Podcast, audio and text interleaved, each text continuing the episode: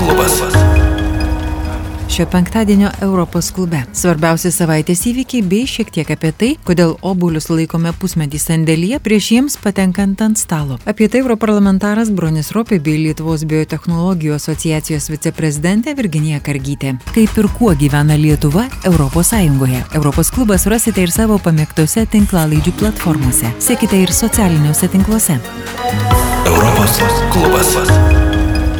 Свеќе премикрофонов Илија Квадараите. Keletas svarbesnių savaitės įvykių. Augant įtampai tarp vakarų šalių ir Rusijos, be kitų veiksmų, atšaukiami ir išsiunčiami diplomatai. Čekija paprašė ES ir NATO partnerių iš solidarumo išsiųsti Rusijos diplomatų, po du viena kitos diplomatus išsiuntė Rusija ir Bulgarija.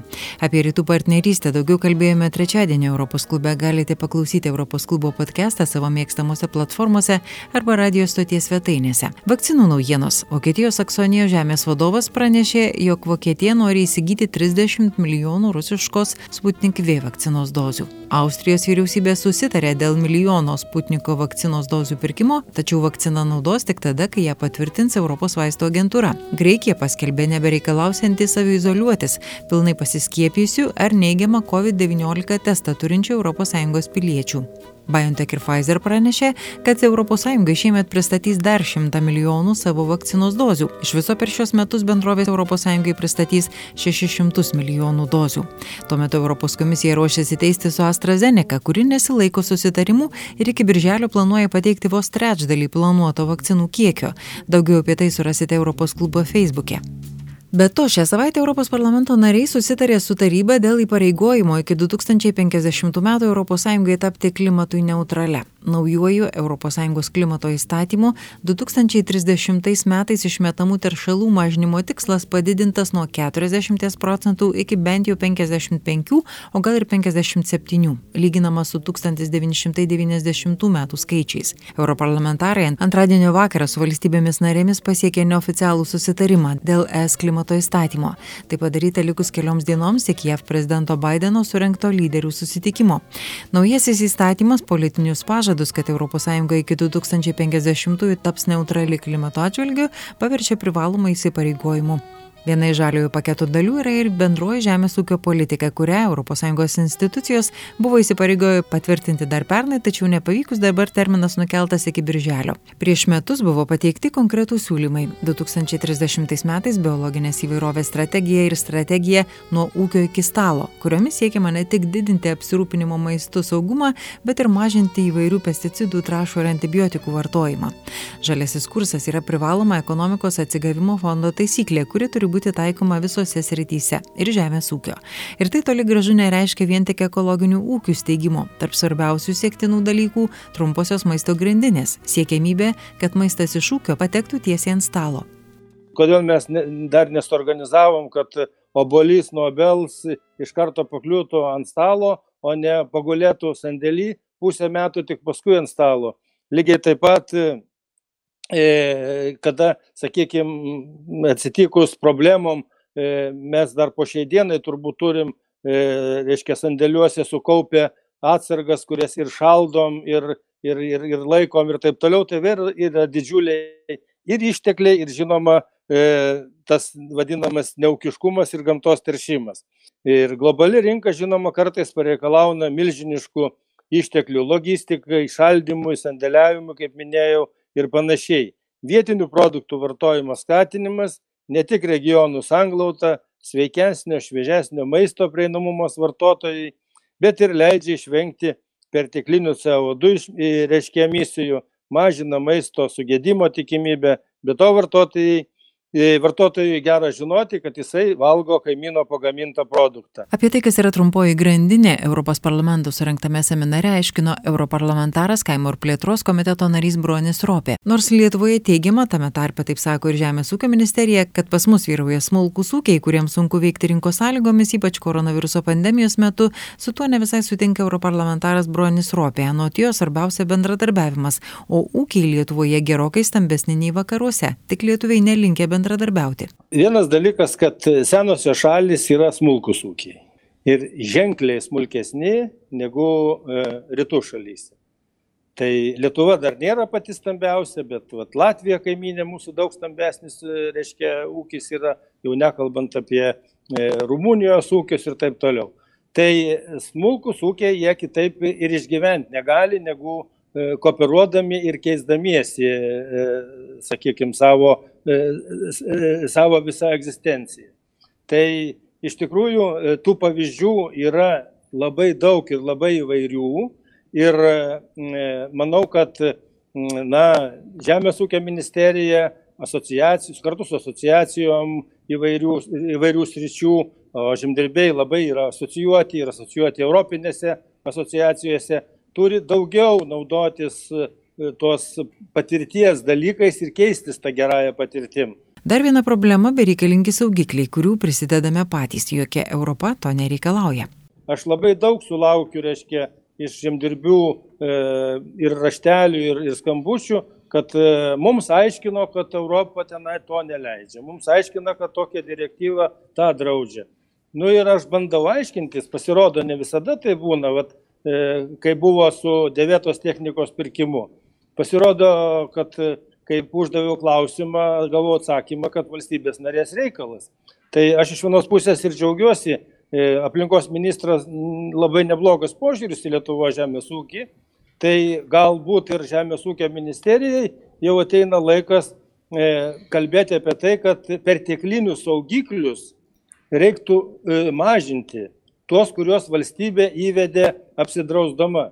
Pavyzdžiui, va, ekologinis ūkininkavimas. Mes turim apie 50 lietuviškų saugiklių pridėta ko nėra e, reglamentuose direktyvose.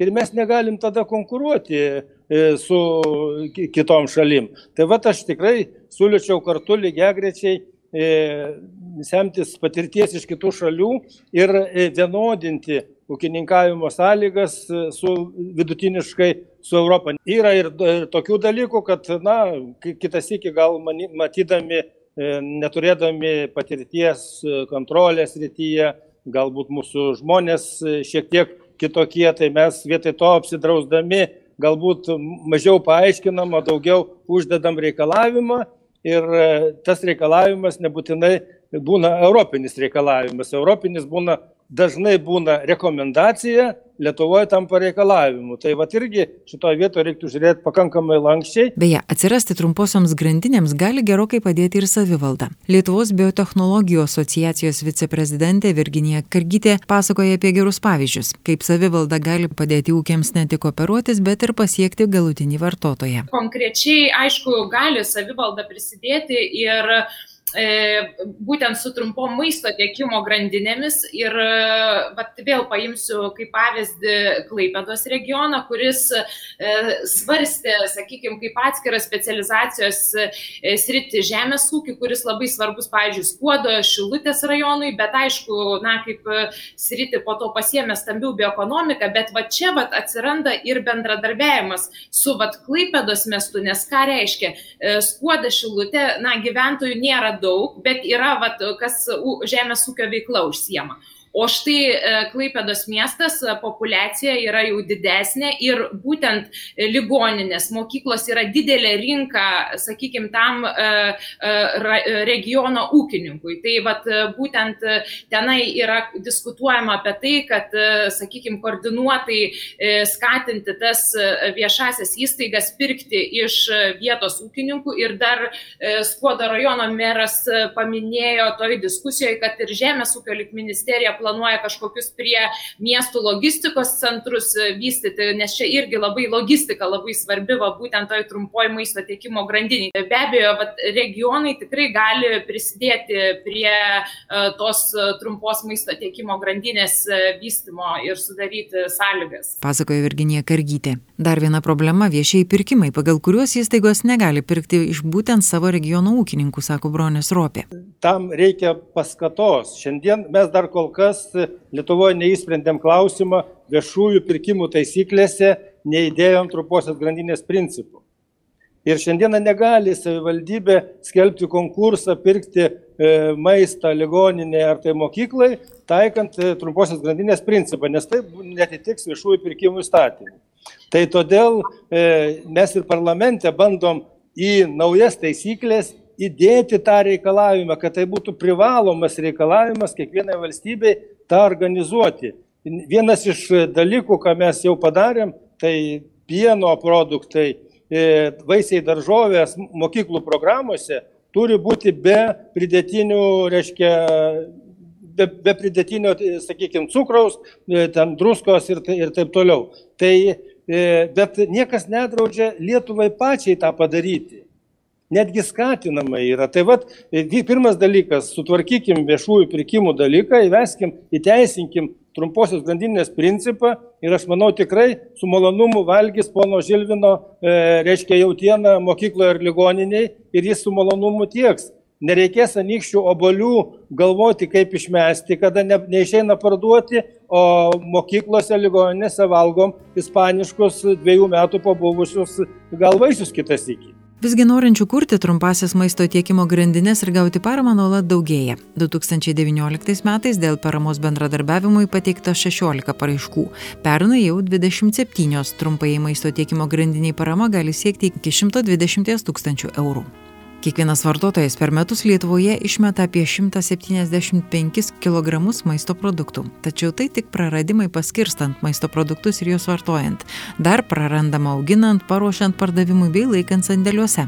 Manoma, kad per metus vidutiniškai prarandama daugiau kaip trečdalis visų žemės ūkija užaugintų maisto produktų. Šiandien Europos klube tiek. Iki susitikimo trečiadienį. Su jumis buvo Vilija Kvedaraitė. Iki. Europos klubas. Europos klubas - pokalbiai nuomonės ir diskusijos, ekspertų komentarai bei mintys svarbiausiamis ir įdomiausiamis temomis, kaip ir kuo gyvena Lietuva Europos Sąjungoje. Europos klubą surasite ir savo pamėgtose tinklalaidžių platformose. Sekite mus ir socialiniuose tinkluose. Europos klubas. Prie projekto finansavimo prisideda Europos parlamentas.